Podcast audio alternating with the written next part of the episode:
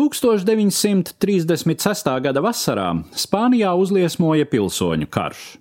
Tā kā nacionālisti ģenerāļa Franko vadībā cīnījās par strikti unitāru Spāņu valsti, starp aktīvākajiem republikāņu atbalstītājiem bija nacionālo minoritāšu reģioni, tā izskaitā Basku zemes.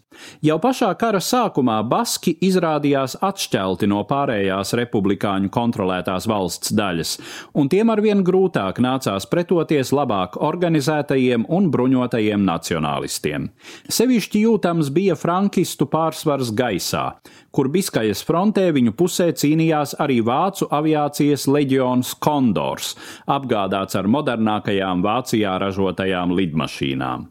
1937. gada aprīļa sākumā frankistus no Basku apgabala galvaspilsētas Bilbao šķīra vairs tikai pārdesmit kilometru un viens republikāņu atbalsta punkts Gernikas pilsētiņa ar apmēram pieciem tūkstošiem iedzīvotāju. Stratēģiski Gernika bija nozīmīga, caur to veda praktiski visi svarīgākie ceļi, kas savienoja Bilbao ar republikāņu vēl kontrolēto teritoriju uz dienvidiem un rietumiem rietumiem.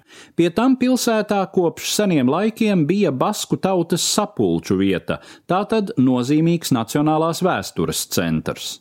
Tas varētu izskaidrot, kāpēc Gernika tika izvēlēta par mērķi plašam vācu un itāļu aviācijas spēku uzlidojumam. Tomēr tas neizskaidro un galvenais neattaisno uzbrukuma raksturu. 1937. gada 26. aprīlī pret Gerniku tika sūtīti vairāki aviācijas uzlidojuma viļņi, dažās stundās pārvēršot lielu daļu pilsētas liesmojošā drupu kaudzē. Uzlidojumu komandēja virsleitnants Wolframs von Richthofens, vēlākais aviācijas ģenerālfeldmaršals. Domājams, tieši viņš izvēlējās bombardēšanas taktiku, lietojot gan eksplozīvās, gan degbumbas. Gernikas vēsturiskā apbūve pa lielai daļai sastāvēja no koka, un uguns iznīcināja veselus kvartālus.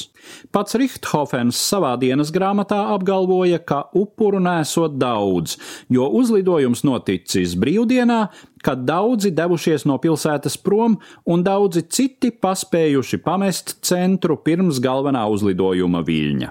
Tomēr citas ziņas vēsta, ka todien Gernikā bijusi tradicionālā tirgus diena, un pilsētas centrā pulcējušies nevien gernikieši, bet arī ļaudis no apkārtnes un liels skaits bēgļu.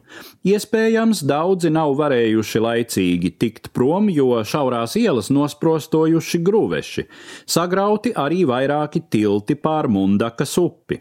Šķiet ļoti ticams, ka šeit tika izmēģināta tā dēvētā terora bombardēšanas taktika, kuras mērķis ir ar nežēlīgu civiliedzīvotāju iznīcināšanu iedragāt pretinieka morāli. Līdzīgu taktiku vācieši izmantoja vēlāk, jau Otrā pasaules kara laikā pret Polijas, Nīderlandes un Lielbritānijas pilsētām. Dati par kopējo upuru skaitu ir ļoti atšķirīgi. Tie svārstās no pāris simtiem līdz pat diviem tūkstošiem. Jau nākamajā dienā pēc uzlidojuma Gernikā ieradās britu žurnālists Džordžs Stīrs, un visu turpmāko nedēļu laikraksts The Times publicēja viņa reportāžas par notikušo. Vēlāk tās pārpublicēja arī New York Post. Gernikas liktenis kļuva par tematu māksliniekam Pablo Picasso, kuram Spānijas republikāņu valdība bija pasūtījusi darbu Spāņu paviljonam pasaules izstādē Parīzē, kas tika atklāta mēnesi vēlāk. Tappa Picasso glezna Gernika, viens no slavenākajiem mākslas darbiem pasaules vēsturē un vispār atzīts kara radītu ciešanu simbols. Stāstīja Eduards Liniņš.